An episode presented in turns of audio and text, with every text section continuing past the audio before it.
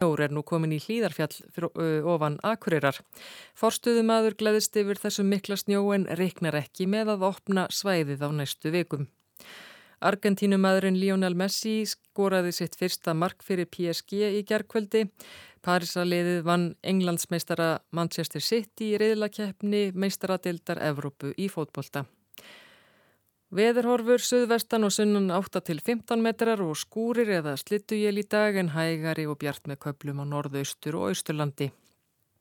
Snýst í norðaustan 5 til 13 á morgunin, 10 til 15 undir kvöld og 15 til 23 suðaustanlands. Rigning af og til á austanverðurlandinu en þurft vestan til. Hiti yfirleitt 2 til 7 stigað deginum. Hádegisfréttir verða sagðar klukkan 12.20.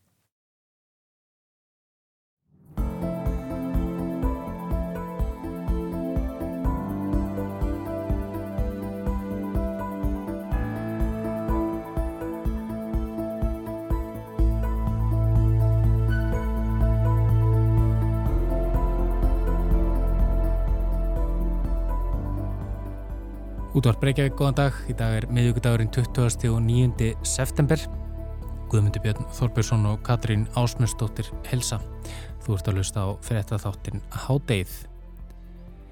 Yfirtaka Talibana í Afganistan hefur aukið á örbyrð í landinu og þrátt fyrir yfirlýsingar Talibana stjórnar um að virðing verði borin fyrir réttindum hvenna í landinu er raunin önnurlikt og aðgerðið þeirra að bera merki um. Á þess örfáum vikum hefur konum verið gert að halda sig heima, hilja líkamassinn og andlit og þeim meinaðar aðgangur að mentun og störfum. Þá eru hundruður kvenkins dómara í felum eða á flotta undan mönnum sem dæmdu þær í fangelsi á ferli sínum. En talibanar hafa nú sleft lausum. Við förum betur yfir stöðu hvenna í Afganistan undir stjórn talibana í síðar hluta þáttarins.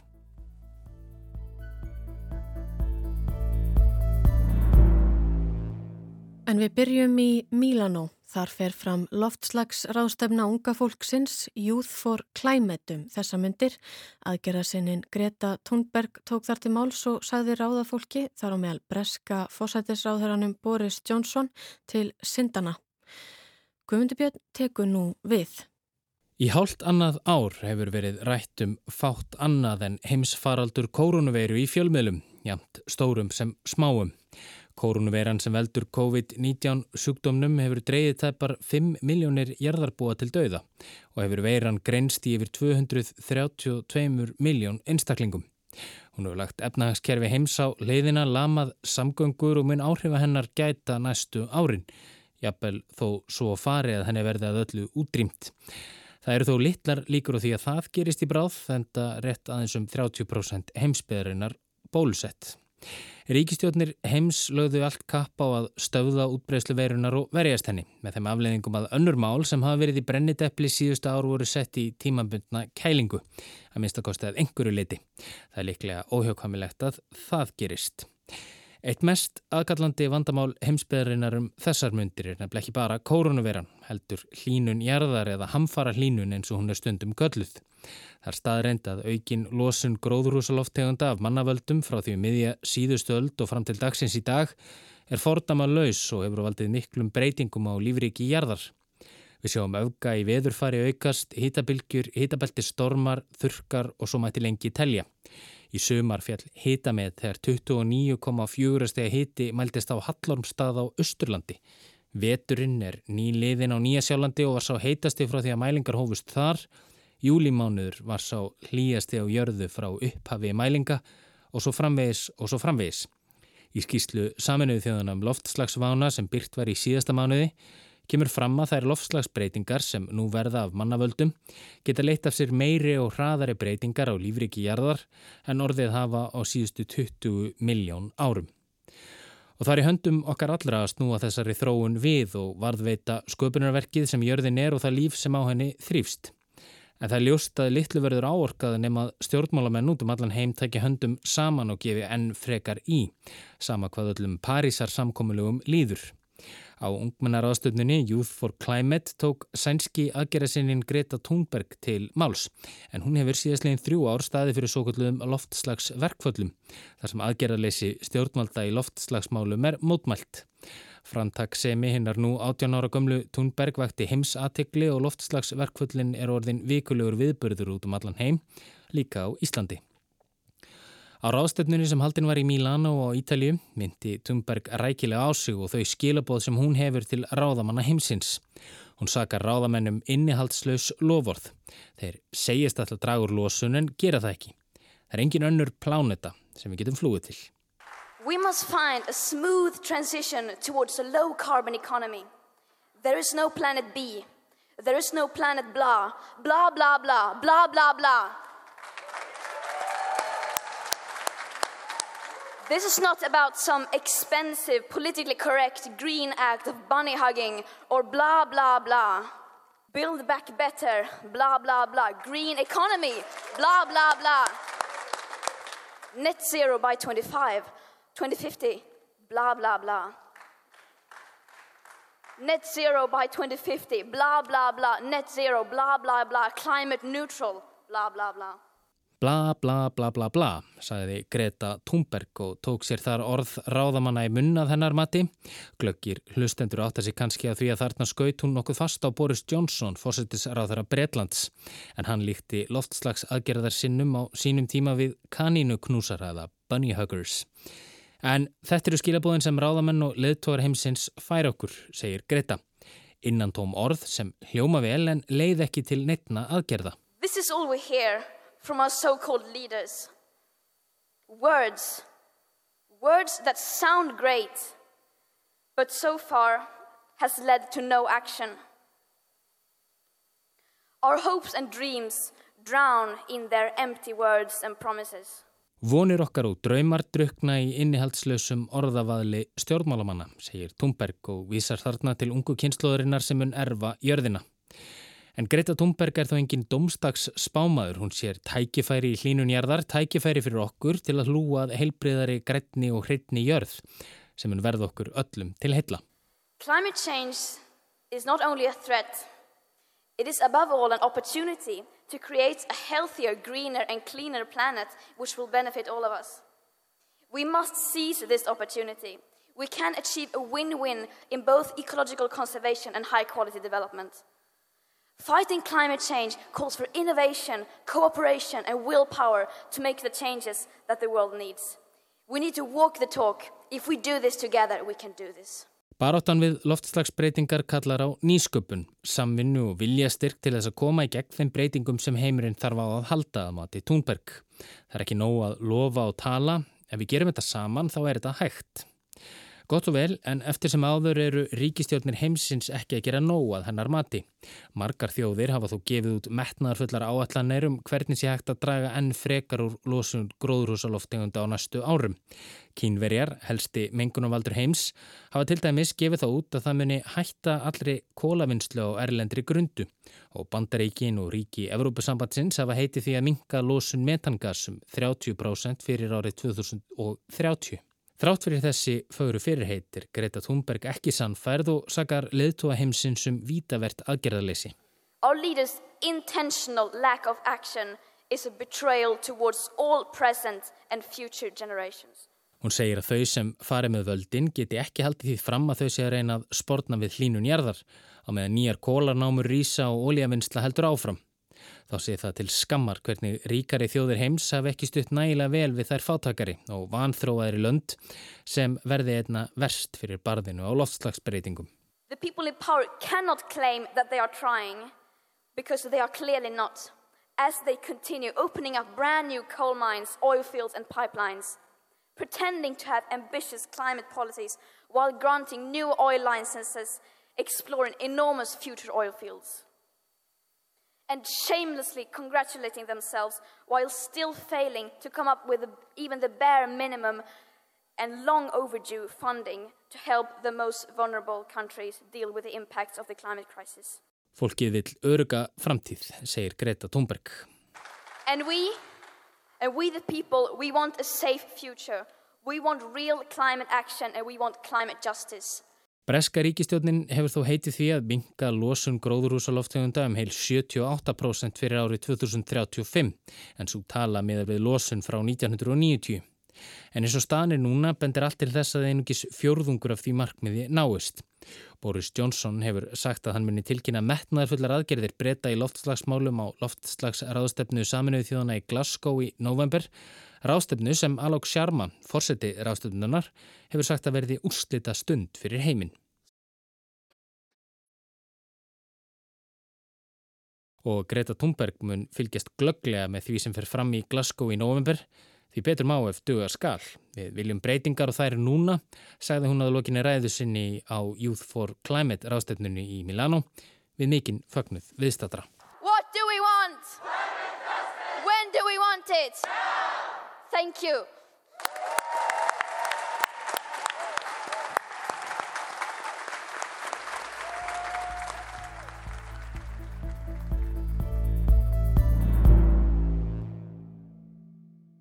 Þá að allt öðru. Talibanastjórn í Afganistan hefur frelsað þúsundir fanga í landinu. Flestir þeirra á röðum á stuttri þeirra á röðum Talibana á stuttri stjórnartíð sinni. Og hemd er mörgum þeirra efst í huga, sérstaklega þeim sem hlutu dómsinn frá einhverjum af þeim 270 konum sem starfað hafa sem dómarar síðustu 20 árin innan réttarkerfisins í Afganistan. Þessir dómarar eru nú í felum með á flotta undan afbrótamönnum og linnulösum líflátshótunum þeirra og þær verðast í fá eiga í fá skjólað venda. Katrín tekur nú við. Staðan í Afganistan er hörmuleg. Almenningur reynir að flýja landi unnvörpum um 100.000 hefur þegar tekista, tekista flýja báaraðstæður, ógnarstjórn, ofbeldi, matarskort og fátækt og þrátt fyrir lovorð og yfirlýsingar talibanastjórnarum breyta tíma, breyta stjórnarhætti, yfirlýsingar um að nú verði réttindi hvenna virtundir þeirra stjórn, sína aðgerðir þeirra frá því að þeir hrifsuð til sín völdin í landinu að orðin eru innantóm, hugsanlega aðeins blekking sem beintir að alþjóðsamfélaginu ætlaða róa gaggrínisrattir að utan. Því aðeins á nokkrum vikum hefur talibunum tekist að ganga á réttindi þeirra átjón miljóna kvenna sem þar búa. Þeim hefur verið gert að hilja andlit sín og líkama, gert að halda sig frá vinnu, frá stjórnunarstöðum, ríkistörfum, halda sig frá mentastofnunum, íþróttum, gert að halda sig heima og víða í landinu meiga konur nú aðeins fara út fyrir húsins dyr síðu þær í fyllt með karlmanni. Nú síðast gaf nýtt mentamálaráðuneyti stjórnarinnar út tilskipun þar sem stúlkum á miðstíi, þar að segja á aldrinum 13 til 18 ára, er bannað að mæta í skóla. Enda skólastofnunin aðeins ætluð strákum og kennurum, þar að segja karlkins kennurum auðvitað. Þá er talið líklegt að talibanastjórn ætlir sér eða hafi jafnvel nú þegar ákveðið að leggja niður ráðuneyti málefna kvenna en skildi hafi verið sett upp við dyr ráðuneyti sinns þar sem framkom að hér væri nú ráðuneyti til stuðnings degðugu lífi og andstöðu við lastafullu lífverðni. Aktivistinn Mahbúba Seras segir að með því að afleggja ráðuneyti um álefni hvenna svo snemma í upphafi stjórnatíðar Talibana séu þeirra senda skýr skilabóðum stöðu hvenna undir þeirra stjórn. Það er engin staður ekkert rými fyrir konur í ríki Talibana, sagðun og það verður það aldrei. Það eina sem við vitum er að þeir hata konur. Þeir vilja svift okkur öllu, öllum réttindum og örugu skjóli. Ummæli talsmanns ríkistjórnar Talibana undirstryka kannski þessa kenningu Seras en hann sagði fyrir í mánuðinum að hlutverk hvenna væri að eignast börn og sinna þeim, engin þörfværi á konum í valdastólum. Hins vegar, fyrir yfirraðutöku Talibana nú í ágúst var afstafa stjórnvalda önnur í Afganistan. Þrátt fyrir að ástandi væri langt í frá fullkomið, líkt og tölfræðin sínir, en þá vorum 90% líkur á að afganskar konur og stúlkur yrðu fyrir ofbeldi á lífsleðinni breyttist margtilins betra. Til dæmis gjör breyttust kynja hlutföll í háskólum á síðustu tveimur áratugum, konur gáttu sótt sér mentun og gerðu það í auknu mæli, jafnvel svo að í sumum skólum voru kvennkins nemar fleiri en kallkins. Þá gengdu konur hátsettum stöðum innan samfélagsins og ríkisins. Þær gátt orðið flugmenn og lauruglumenn sem áður hafði ekki verið sjálfgefið og jafnvel setið á þingi eða tekið við dómarastöðum. En á þessum 20 árum hafa 270 konur starfað sem dómarar í Afganistan. Nú óttast þessar konurum líf sitt og sinna og minst 220 þeirra eru á flótta og í felum í landinu. Í felum og á flótta undan mönnum sem þær dæmdu í fangelsi í störfum sínum sem dómarar, oftar en ekki fyrir ofbeldi gegn konum, kynferðislegt og líkamlegt ofbeldi, pyntingar og morð. Þetta leiðir rannsókn á vegum breska ríkisúttarpsins BBC í ljós. En eftir að Talibana stjórnáði völdum í Afganistan frelsaði stjórnin þúsundir fanga, margir hverjir úr þeirra röðum og þessir afbrótamenn sem nú ganga lausir hafi ekki glemt því að kona hvað upp refsingu þeirra. Kona sviftið á frelsi, kona leta á gjalda fyrir miskjörður sínar. Kona sem vildi vernda almenningi í landinu, vernda konur, lög og réttlæti. Og þessum afbróta mönnum er hemmt ofalega í huga, líkt og dæmin sína. Einn þeirra kvenna sem Breska ríkisútvarpið rætti við og nýtur nafleindar greindi frá sinni upplifun Hún dæmdi manni 20 ára fangelsi fyrir morð gegn maka aðeins nokkru mánuðum fyrir yfirtöku Talibana. Morð sem hún segir svo hróttalegt að hún muni aldrei geta glemt því sama hvað hún reyni. Við dóms uppkvæninguna hótaði maðurinn dómaranum, saðist munu finna hana eftir hann hefði afplána refsingu sína og gera það sama við hana og hann gerði við eiginkonu sína og nú aðeins örfáum mánuðum eftir að hann hlaut sinn dóm og réttlæti náði fram að ganga er hann í þeirri stöðu að geta fyllt eftir þessum hótunum sínum og það verist hann ætla að gera en konunni hafa borist ófá ógnandi símtöl frá hinnum dæmda morðingja síðan hann var látin laus af talibönum. Þá segist hann hafa upplýsingar um hana og fjölskyldu hennar undir höndum og það sé aðeins tíma spur smál hvenar hann nái að hafa upp á henni og ná fram hemdum. En þessi tiltekni glæpamaður er aðeins einn maður af hundruðum sem þessi tiltekni dómari hefur dæmt í fangelsi vegna ofbeldi gegn konu á sínum ferli. Þeir eru því fleiri sem hafa hótaðinni með ymsum leiðum og ráðum, sendt líflátshótanir í smá eða rattskilabóðum eða ringt úr óþögtum númerum nær linnu laust. Símin hefur bókstaflega ekki stoppað síðan talibanar náðu völdum í landinu og dæmdir glæpamenn voru látnir lausir. Konunni sem rætt var við af BBC var fljótt ljóst í hvað stemdi að lífennar og fjölskyldanar væri hættu. Þau ákvaði því að flýja heimili sitt, skilja allar eigur eftir um leið og fregnir bárust af því að talibanar hefðu frelsað fangana. Hættan var yfirvofandi og allt um kring og þetta reyndist rétt ákverðun en konunni bárust skilaboð frá nágrunum sínum skömmu eftir að hún lagði á flóta þar sem henni var sagt að talibanar hefðu vissulega leitað á heimilennar, leitað hennar og þar með fekk hún óttan og grunsinn staðfestan um leið og hún sá lýsingu nágrannans á mönnunum. Síðan þá hefur henni tekist að fara huldu höfði með því að klæðast burku sem heilur bæði andlitennar og líkama og dvelja aldrei lengur en nokkra daga á hverjum stað. Og þetta er því miður ekkert einstæmi því líkt og áður segir er vita til þess að rúmlega 200 konur og fjölskyldur þeirra séu í sömu sporum. Þær séu í felum eða á flóta, óttist um líf sitt og sinna, óttist hemdaraðgerðir. Þær sex konur sem Breska ríkisútvarpið náði tali af hafa allar svipaða sögu að segja, lýsa því hvernig þeim berast líflátshótanir trekk í trekk frá talibönum sem þær hafa áður dæmt í fangelsi fyrir ofbeldi gegn konum. Segist hafa þurft að skiptum símanúmer, sumar oftar en einu sinni. Lýsa því hvernig er að vera á flóta, vitandi að þeirra hefur verið leitað á heimilum þeirra, vitandi að nágrannar þeirra, vinir og vandamenn verði fyrir aðkasti og sumir ofbeldi af hálfu talibana sem leita þeirra, vilja fá að vita hvar þar eru niður komnar. Það sem þær vita ekki er hvað framhaldið verður, hvað framtíðin ber í skauti sér, hvert þær geti leitað og farið, hvar og hvenar þar verði loks hólpnar. Því flóttin getur ekki varaða eilifu og bólmagnið er lítið en það eru konurnar sem oftar en ekki voru fyrirvinna heimilisins nú tekjuleysar og það sem meira er þá hafa eignir þeirra á banka innistæður verið fristar og þær segjast sig hverki geta hreift þrátt fyrir linnulösa leitað lausnum og frelsi.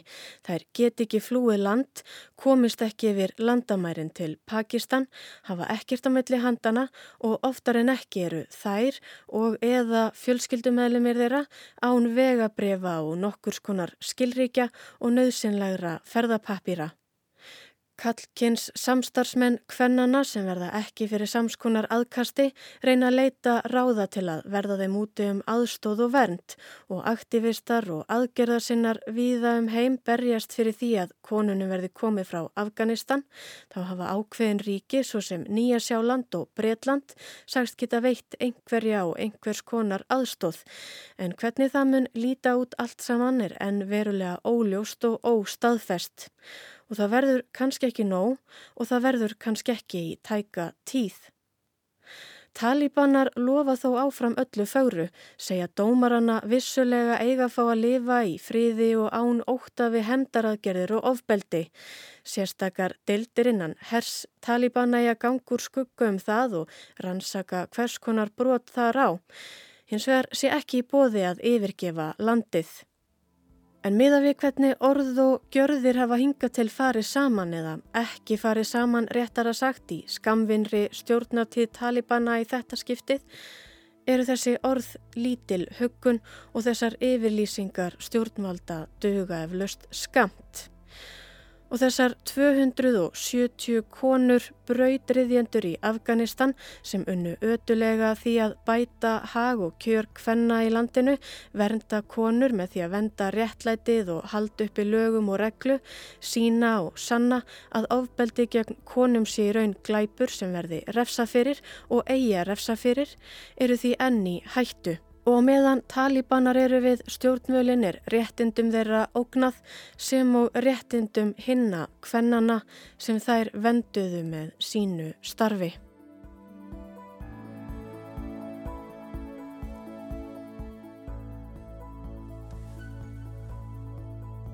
Hátið er á enda í dag, við verum hér aftur á sama tíma á morgun. Þátturinn er einnig aðgengilegur í spilaranum og hlaðvarpsveitum og þá er þetta að senda okkur post með ábendingum á netfangið hádegið hjá rúf.is. Verðið sæl.